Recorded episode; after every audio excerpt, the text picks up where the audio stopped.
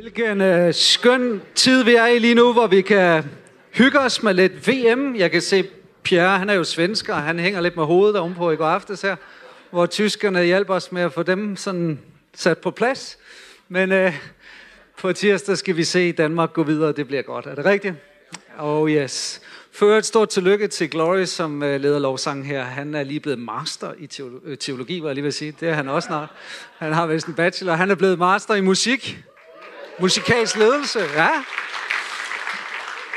Vi øh, sneg os ind, min hustru og mig, sådan lidt uanmeldt og deltog i eksamen og tænkte, det bliver spændende at se, hvordan Glory han er, når han ikke er her i kirken. Så skal vi se, hvad der er for noget disco, han får leveret. Men øh, vi sad der øh, undercover på rækken og følte nærmest, at vi var til gudstjeneste. For Glory, han er kristen herinde, han er kristen også nede i Musikkens Hus, hvor konservatoriet ligger. Og sang efter sang handlede om Jesus, handlede om Helligånden. Og det var lige før, man tænkte, hvornår står sensoren op? Og så siger jeg, nu er det altså tid til eftermøde. Jeg kunne i hvert fald godt lige have brugt 3-4 minutter der og bedt folk lige om at lukke øjnene og løfte en hånd. Det var simpelthen stærkt. Det øh, fortælles her i kirken, jeg ved ikke om det er en vandrehistorie, dem er der nogle stykker af. Men Kai og Nonny, hvor sidder I henne? I sidder dernede. Det fortælles, at I har haft en hund, der hed Bonnie. Og at Kai, han råbte meget den hund ude i haven. Og sagde, Bonnie, sit! Bonnie, kom så! Og han råbte så meget, og naboen hørte ikke, det var Bonnie, troede, det var Nonny. Og det er jo ikke et godt ry at have i kvarteret at der var den forveksling, jeg ved ikke, I har vist ikke hund længere, og jeg ved ikke, er den sand, sådan på en skala på 1 til 5? Er den sand? Hold op, man skal tro på, hvad man hører. Det er en sand historie. Vi kender så ikke årgangen og datoen, men altså sådan i den stil har det fundet sted. Jeg hørte om en historie, en evangelist, som var reklameret op som gæst i en by, hvor han skulle øh, prædike, og der var meget offentlighed omkring arrangementerne. Og øhm, han skulle tage bussen et sted hen, og da han så har betalt og sat sig ned, så opdager han, at han simpelthen har fået for mange penge tilbage. Og så går han op til buschaufføren og siger, åh, undskyld, jeg tror altså, du har begået en fejl. Jeg har simpelthen fået for mange penge tilbage. Så sagde chaufføren, hør her, det var altså ikke en fejl. Det var helt bevidst. Jeg skulle bare lige tjekke, om du også lever det, du tror. Synes I ikke, jeg har fået nogle flotte sko ellers? Ja, tak. Ja, det må jeg godt klappe af. Men øh, det er ikke så længe siden, jeg købte dem, og øh, det var i Bianco. Først var jeg ude i Storcenter og lige se, om der var noget, der jeg kunne falde for, fordi jeg er fordelskunden i Bianco, så jeg går altid først dertil. Har sådan en dejlig 30% aftale. Men øh, i den forbindelse med, at jeg var derinde, så, så skulle jeg have korrigeret nogle ting med mine støvler, som jeg havde købt. Jeg synes, de for hurtigt var blevet slidt op. Og så sagde han, det der, det kan du svært ikke forklare her, du skal ind i fris. Og så tænker jeg, okay, så må jeg tage støvlerne ind i fris. Og så ind i fris siger de, hør her, vi skal have en bong. Og nu var jeg altså ved at være godt utålmodig. Jeg har ikke øh, af naturens vej øh, temperament som tålmodighed, øh, så jeg tror nok, hun fandt ud af, at jeg ikke synes, det var helt vildt fedt, at nu for anden gang skulle jeg pakke de her støvler ned, og så gå med dem. Så jeg sådan lige led lidt med det derhjemme, og så tog jeg så øh, initiativ, og så gik jeg der ind, øh, fik købt de her støvler, så købte jeg også de her sko. Og så mens jeg prøver dem, så siger ekspedienten for at du er ikke præst? Jo, det måtte jeg jo nok sige. Om hun havde set mig på tv, okay. Uh, det er ellers en god kvalitet, I har herinde, synes jeg. det er øh, utrolig vigtigt, at vi ikke bare tror, men vi lever det, vi tror på. Vi er godt i gang med en serie, som vi kalder for Enjoy. Vi er i første sæson, afsnit 4, og øh, det er næsten som på Netflix. Du slår op på Filipperbrevet nu, og så er vi inde der i slutningen af kapitel 1. Og det er Guds ord, vi læser, og vi kan altid vide, når vi åbner bogen, så kommer ånden. Og hvis vores hjerter er åbne, så sker der noget i os. Og i dag, så skal vi læse fra Filipperbrevet kapitel 1 og vers 27. Enten tag det direkte fra din telefon, eller iPad, eller din bogrulle, du har med i lommen, eller se med op på skærmen her, så læser jeg Guds ord. Blot, prøv lige at sige blot. Blot skal I føre et liv, som svarer til Kristi evangelium. Så at jeg, hvad enten jeg kommer og besøger jer, eller er fraværende, kan høre om, øhm, eller kan høre om jer, at I står fast i en ånd, og at I med en sjæl kæmper sammen for troen på evangeliet. og ikke, øh, hvad står der her? Og ikke på nogen måde skræmmes af modstanderne. Det er et tegn for dem, på deres fortabelse, men på jeres frelse, og det er til med for Gud. For I har ikke, eller for I har for Kristi skyld fået skænket den noget, ikke blot at tro på ham, men også at lide for hans skyld. I den samme kamp, som I har set mig i, og som I nu hører, jeg stadig står i.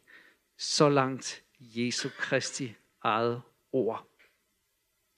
Temaet for det, jeg vil tale om i dag, det handler om glæden i at stå fast.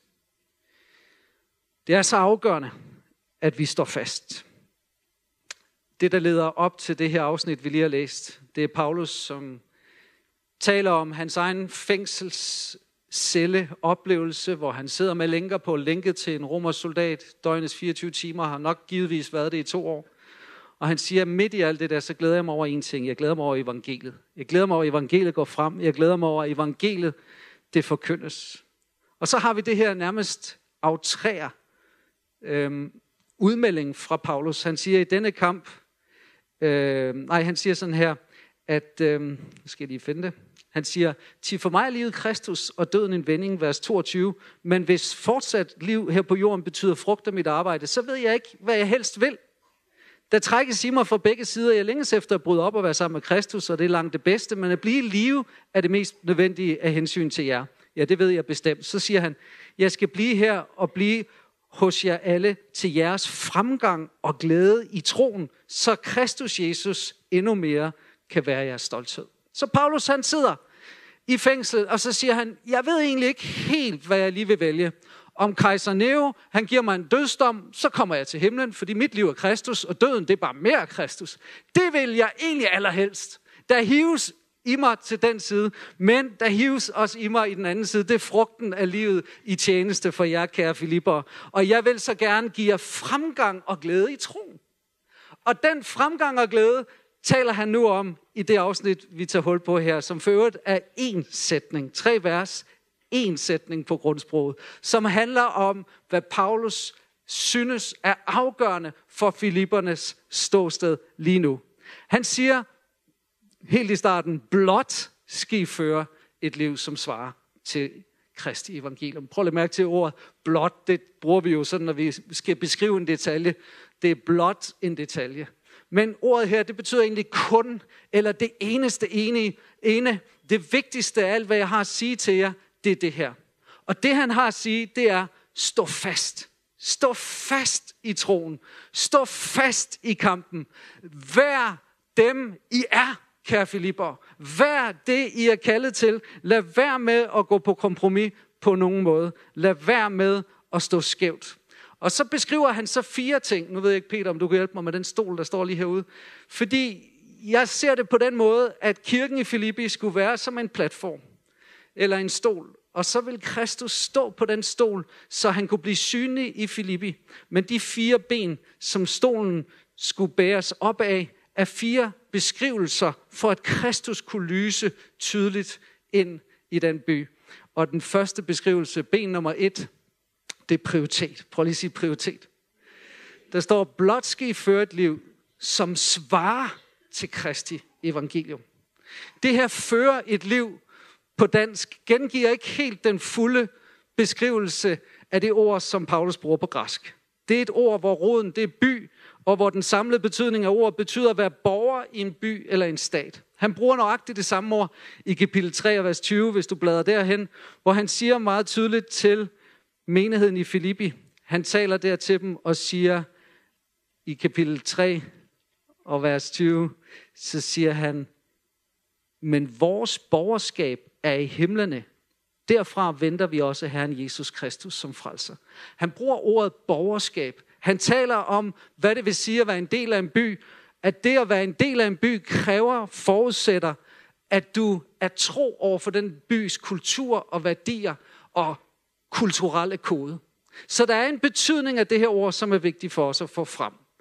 Filippi var en romersk koloni, selvom der var mange byer omkring den her by, som ikke var det, og de lå langt væk fra Rom, så var det som at gå rundt i Rom og gå rundt i Filippi. Det var som om tøjet øh, kulturen, kunsten, religionen, i byen, det religiøse liv, var præget af Rom. De havde romerske privilegier, de havde romersk beskyttelse, de havde lav skat, de havde så mange ting, som romerne havde. De havde ære i Filipperne at være borgere i Rom.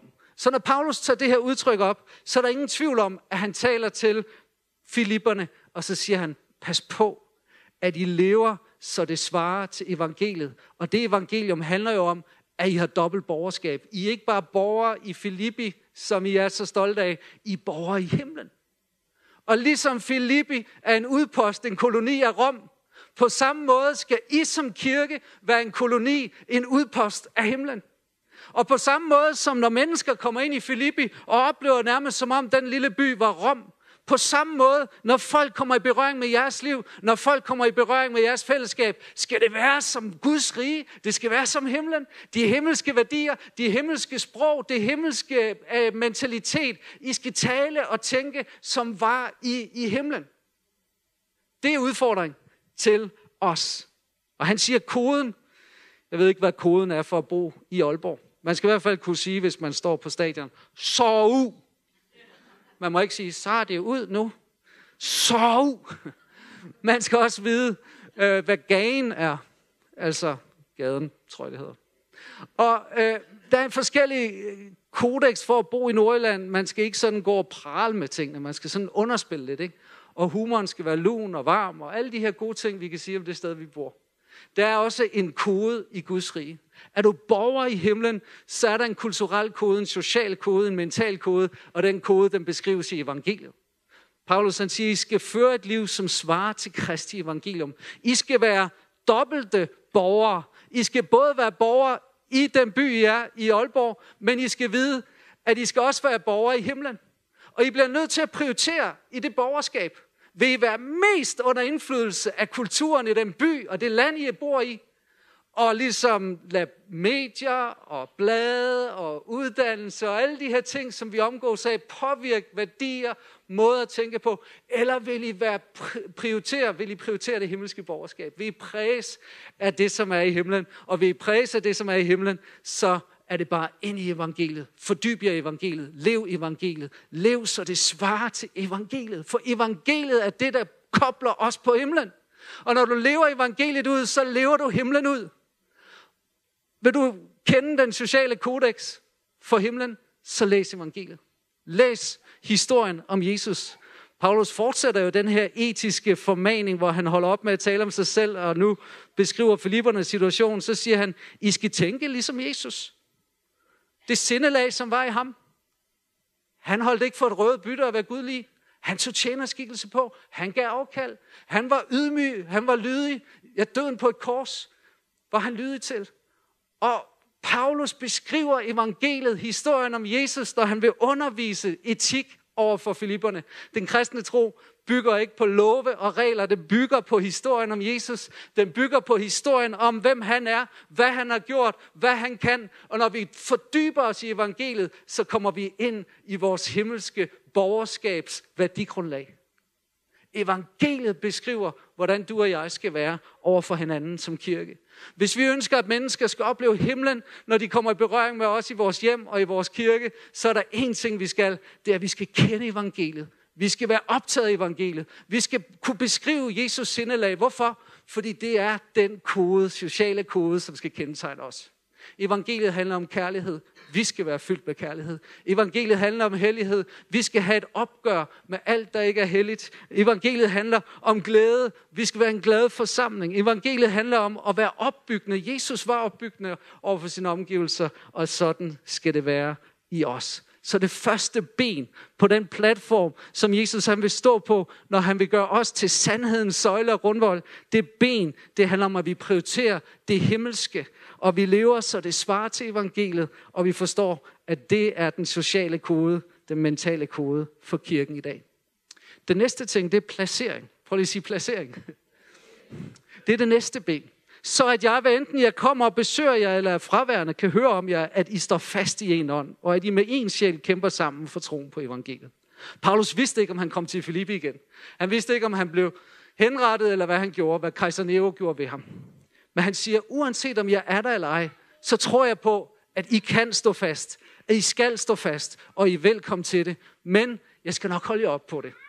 Al inden for tro og liv med Jesus, som ikke er koblet op på en forpligtelse over for en anden person, kære ven, glem det. Det bliver bare til ønsker. Det er erfaring i mit liv.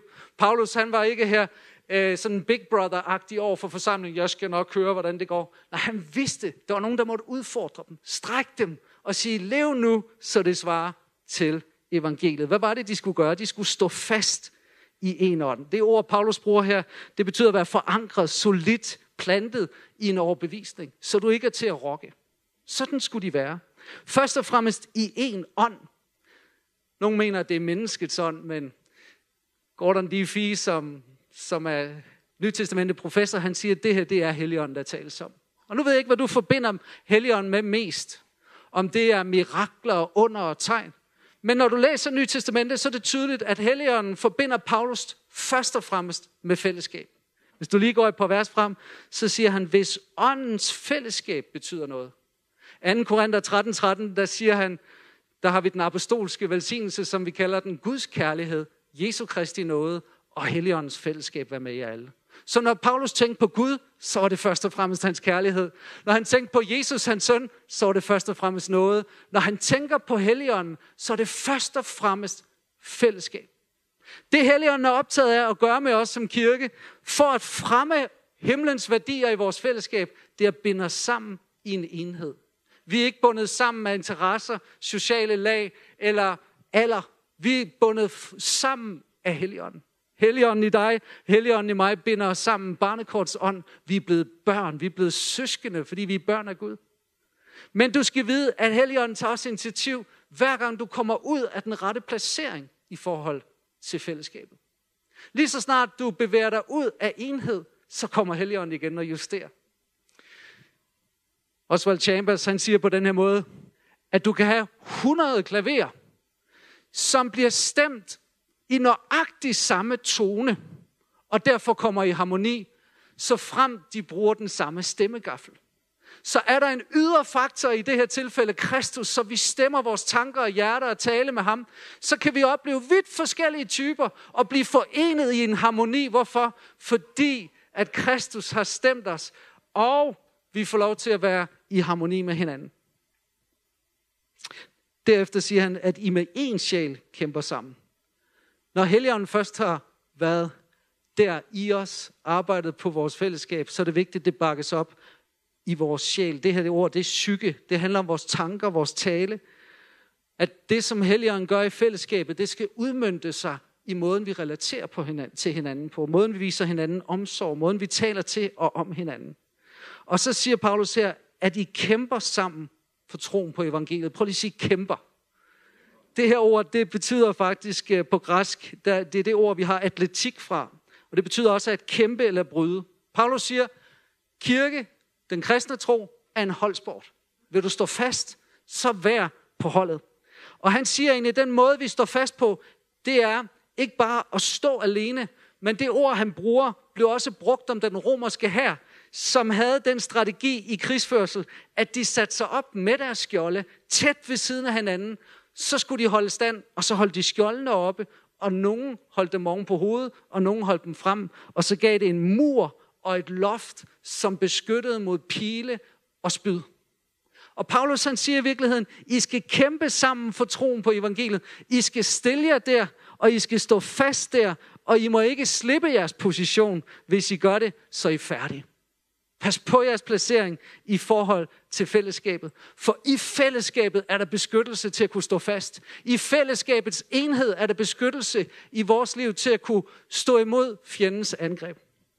Der er et sted, Paulus bruger det her ord at kæmpe sammen, udover i det her vers. Det er kapitel 4, og det er vers 3. Og der står om to kvinder. De har nogle lidt sjove navn. Den ene hedder Eudia, og den anden hedder Syntyke. Og Paulus skriver specifikt til de to kvinder i menigheden. Det er ledere i kirken. Og så siger han, jeg formaner Eudia og Syntykke til at enes i Herren. Så de var altså blevet uenige. To kvinder, som virkelig var kommet op og skændes. De var virkelig uenige. Og Paulus han siger så, ja, jeg beder også dig, trofaste Synsegos. Det er et flot navn. givetvis en mand. Han får besked på sådan her, du skal hjælpe dem, for de har kæmpet for evangeliet sammen med mig, og har sammen med Clemens og mine andre medarbejdere stået der. Hør her, han får til opgave at være mediator imellem de her to kvinder. Han skal forene dem, han skal forsone dem. Hvilken opgave? Men Paulus siger, de stod før, og så bruger han det her ord, har kæmpet sammen med mig. De stod med den rette placering. De stod side om side med mig og de andre medarbejdere. De stod midt i fællesskabet, men nu er de hoppet ud af deres placering. Hvordan? Ved, at de har fået en uenighed. Ved, at de har fået en konflikt. Ved, at der er noget, som er gået i dybden. De har fået et mellemværende med nogen i fællesskabet, som ikke er blevet gjort op. Og det mellemværende, siger Paulus, det bliver I nødt til at få korrigeret. Fordi sådan et fællesskab, hvor der er uenighed, hvor der er konflikt, og hvor det ikke bliver forsonet, så bliver I sårbare, så kan I som kirke ikke stå fast. Så kan I ikke leve, så det svarer til evangeliet. Evangeliet er, at Gud er en, og I skal være et. Så Paulus er meget konkret. Han siger, hvis du har en konflikt, en uenighed, så sørg for at få den justeret. Og har du brug for hjælp, så sørg for at få en mediator ind på banen, så du kommer tilbage og får den rette placering. For alt andet vil gøre stolen usikker. Bare et ben, det er nok. Dernæst så siger han for det tredje proklamation. Prøv lige at sige det. Og ikke på nogen måde skræmme sig modstanderne. Det er et tegn for dem på deres fortabelse, men på jeres frelse, og det til med på Gud. Her bruger Paulus et udtryk. Han siger, okay, i prioriterer himmelværdierne. I er enige. I har forsoning. I er placeret ret i forhold til fællesskabet. I står skulder ved skulder, hjerte ved hjerte. I er ikke i splid. I, er ikke, I skaber ikke uenighed. Så det næste, siger han, det er mod. Ikke lad jer skræmme. Han bruger et ord her for at være bange. Ordet skræmme, det beskriver faktisk på den her tid en hest, der er bange, når den kommer i kamp så bange, at den sparker rytteren af ryggen. Og så bruger man det her udtryk for at sige, at den hest er farlig, fordi den er kamp- og krigsangst. Paulus siger, at en kirke, som er kamp- og krigsangst, er ikke den kirke, som Kristus han kan få lov til at stå på og virke ud fra. I må få lov at mærke et opgør med angsten og frygten. Og nu skal I huske på, at Filipperne stod i den samme kamp som Paulus. De stod også i forfølgelse. De stod også med modstand. Paulus siger, lad være med at være som heste, der skubber rytterne af. Lad være med at være bange, når I kommer i krig. Lad være med at være bange, når I kommer i kamp. Stå fast. Hold fast. Lad være med at frygte. Stå der og tro på Guds beskyttelse. Tro på hans kraft. Hvad er det, vi gør? Når vi kommer ud for det her? Jo, vi tager vores budskab, så siger vi, ah, det er måske også lidt for markant at sige, at evangeliet også handler om etik. Ah, måske vi bare kan sige alt det der med ægteskab mellem mand og kvinde, og tro ind til døden, og vente til man bliver gift med sex. Det er ikke populært mere. Det ligger ikke i tidsånden. Det holder vi op med at snakke om som kirke. Fordi så får vi ikke de der repressalier. Eller mystikken, alt det vi ikke kan forstå, jomfrufødslen og det med helligånden, og det med at Gud gør under mirakler, syges helbredelse og udfrielse, og det med dæmoner og sataner, sidste tider og antikrister. Oh, ej, det, det vil vi heller ikke. Det, det skal vi altså ikke snakke om, fordi så, så, så tør vi altså ikke. Eller alt det der med evigheden, at nogen skulle gå fortabt. Et evigt helvede. Ej, det, det, det bryder jeg mig ikke om at høre om. Og jeg, nej, der vil jeg, Gud, han må frelse alle, og det kan ikke passe, at det også er en del af det. Eller det, at, at, at der kun er én vej, én sandhed. Jamen, jeg er postmoderne, og jeg tror på social konstruktivisme og lokale sandheder. På min uddannelse, så har de afsløret alt det der med, at man godt kan levere flere sandheder på én gang, og så står vi til sidst med sådan et stuerent, søgervenligt, popularitet, spændevangelium uden kraft. Fordi vi har taget kanten af. Der er ingen kant længere. Det er rundt, og det er uden effekt, hverken i vores eller i andres liv. Paulus siger, lad være med det. Lad være med det. Stå ved, hvem I er. Stå ved, hvem jeg er. Stå ved evangeliet. Stå ved, stå tro, stå fast. Og lad være med at være som en bange, øh, som en skræmt hest. Stå lige der og tro på, at I kan få lov at proklamere sandheden. Og det skal være et tegn. Et tegn for dem, der forkaster evangeliet om, at de skal fortabes. Et tegn for dem, der tager imod, at de skal frelses. Det harmonerer det ord med 1. Korinther 1, 18, hvor Paulus siger, for ordet om korset, for dem, der frelses eller fortabes, så er det en dårskab. For os, der frelses, er det Guds kraft til frelse. Det fjerde og sidste, det er perspektiv. Paulus slutter den her markante formaning til menigheden i Filippi. Og så siger han, for I har for Kristi skyld fået skænket den noget, ikke blot at tro på ham, men også at lide for hans skyld. I den samme kamp, som I har set mig i, og som nu I hører, jeg står i. Prøv lige at sige lide. Ah, vi kan godt lige at høre om tro. Vi hørte om tro sidste søndag. Og tro, det tror vi på. Og vi vil gerne leve i tro. Og ja, det er rigtigt, jeg har fået den noget at tro. Men Paulus taler om den dobbelte noget. Han siger, med den frelsende tro, som I fik som en gave, så har I fået en anden gave. Og du sidder allerede nu og tænker, det er lidt ligesom juleaften, når man får sokker. Altså, man vil godt have den ene gave, men de der sokker kan mor godt beholde. Dem er, ja. Men den der gave, at lide for Kristi skyld, den følger med den gave at tro. Og vil du have den fulde pakke, den fulde noget, og leve i frelsende noget, så må du være villig til at sige ja til begge dele. Her tror jeg, at Paulus giver et teologisk perspektiv til den kirke i Filippi, som stod og betalte en høj pris for at være troende. De bekendte ikke Cæsar er herre. De sagde, Jesus er herre. De lod sig døbe offentligt.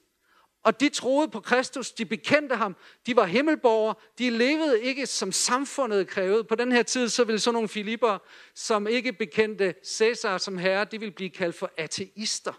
Det var sådan det mest nedladende, man kunne finde på ved den her tid. Og det var en stigmatisering af de troende, fordi de ikke dyrkede Cæsar som Gud, men de dyrkede ham, som ingen kendte, Kristus, og sagde, Kristus er her. Det betalte de et stor pris ved. Men jeg tror, Paulus slutter sin undervisning øh, i den her formaning med at netop sige, kære Filipper, når I betaler en høj pris for at stå med bekendelsen, Jesus er her, når det er dyrt og koster, at være troende og stå fast på det fulde evangelium.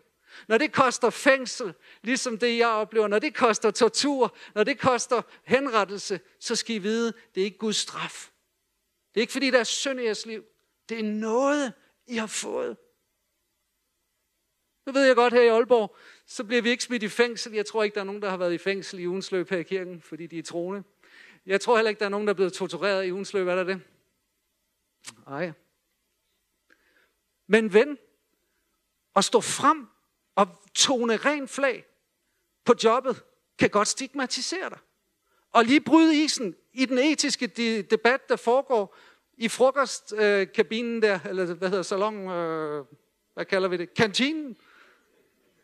Det græske ord for kantine er kantine. Der kunne du måske godt lige have smidt din Jesusbold på bordet der, ikke? Og sagt, okay, nu skal I lige høre, det jeg tror på, det er faktisk det her. Bum! Hvis du gjorde det, hvad vil prisen være?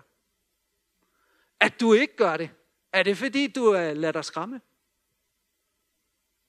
Paulus siger, perspektivet på den lidelse, som følger ved at stå fast på evangeliet, det er, at det er noget, det er en gave, det er Guds hensigt med os, at det skal koste noget. Paulus siger, at det er faktisk vigtigt for vores trosliv i kapitel øh, 3, så siger han det sådan her, nede i vers 10, for at jeg kan kende ham, og det er meget, meget intimt ord at kende, det kende ved erfaring, og hans opstandelseskraft, og lidelsesfællesskabet med ham. Så han kobler det at lide for Kristus med det at opleve opstandelseskraften. Du kan ikke opleve hans opstandelseskraft fuldt ud, hvis ikke også du oplever dødsprocessen og prisen for at stå frem. Det at lide for sin tro, det at det koster noget at tro, det at betale en pris for sin tro, kobler dig så meget på Jesu liv og egen erfaring her på jorden. Prøv at forestille dig din og min herre og mester. Han levede et langt liv i tjeneste fra 30 til 33, hvor han bare var modsagt, forfulgt, til sidst henrettet på et kors. Du er disciple af ham. Du efterfølger ham. Paulus siger, det er den nåde, vi har fået. Så siger du, jamen kan jeg så tage al lidelse ind under den hat? Er det bare Guds nåde, at vi skal lide som troende? Nej, læg mærke til, der står her. For I har for Kristi skyld fået skænket den nåde. Og senere lide for hans skyld. Så det er de lidelser, som det at være i Kristus, tro på Kristus, forkynde Kristus, det er de lidelser, Paulus taler om. Forfølgelse, modstand, om det så er fysisk, socialt eller mentalt, du betaler prisen. Så når du gør det, så det er noget, du lever i. Jeg tror faktisk, der bliver givet os alle sammen anledninger. Bibelen kalder dem også for gunstige øjeblikke, hvor vi får muligheden for at bekende kulør. Og hvor har jeg tit været en kujon, som kunne se mig selv i apostlen Peter, som lige efter Jesus er taget til fange, står og banner og svogler. Nej, jeg kender ikke den mand. Det er selv samme Peter, som kort tid efter står midt i Jerusalem og råber og siger, omvend jer! Og prædiker offentligt. Hvad der er sket med Peter? Kujonen er blevet fyldt af helligånd. Og i det øjeblik, du bliver fyldt med helligånden, så siger Jesus, så skal I få kraft til at være mine hvad? Vidner. Og hvad er det græske ord for vidne? Det er martyr. De første troende var forfulgt. Vi ved knap nok, om vi kan komme op søndag morgen, om vi lige gider det at udholde sådan to timer i varme. Ikke? De betalte med deres liv.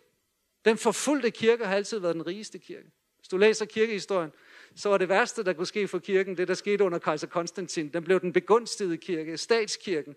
Pludselig rykkede de ud af katakomberne, kom ind i katedralerne, og det blev en frygtelig tid for kirken, fordi den blev værsliggjort. Den levede ikke længere evangeliet ud. Nu kom alle de ting, de ikke havde haft, da de sagde, sølv eller guld har jeg ikke, men hvad jeg har, det giver dig. Nu havde de jo både nærmest slotte, de havde rigdom.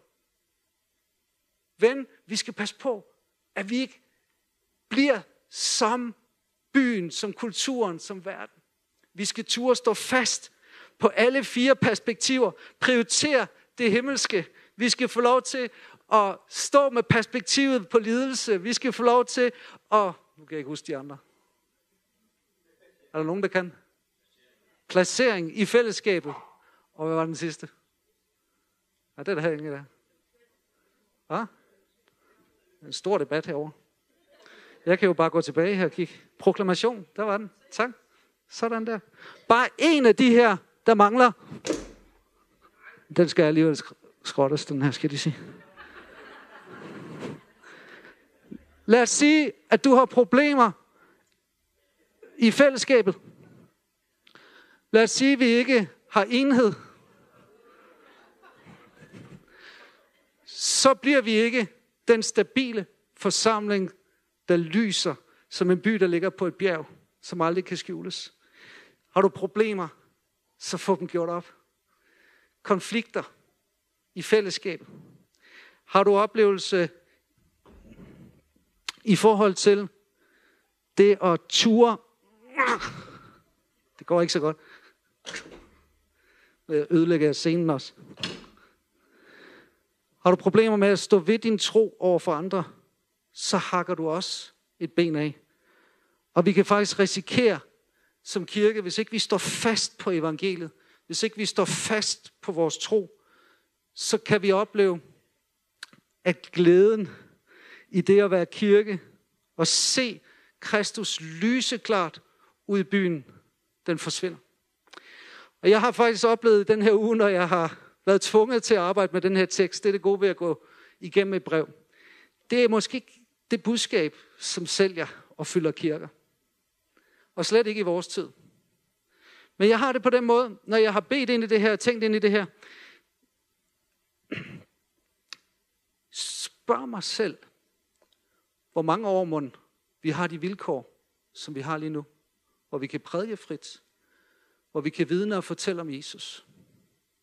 Kan vide, hvor lang tid der går, før det er os, som bliver stigmatiseret. Før det er os, som bliver hængt ud i medierne. Før det er os, som skal betale en høj pris for at mødes. Hvad hvis øh, det koster noget at komme i kirke? Hvad hvis det koster noget at prædike Kristus? Hvad hvis der var forfølgelse i Danmark, som der er i så mange nationer. Hvad hvis der virkelig var en pris?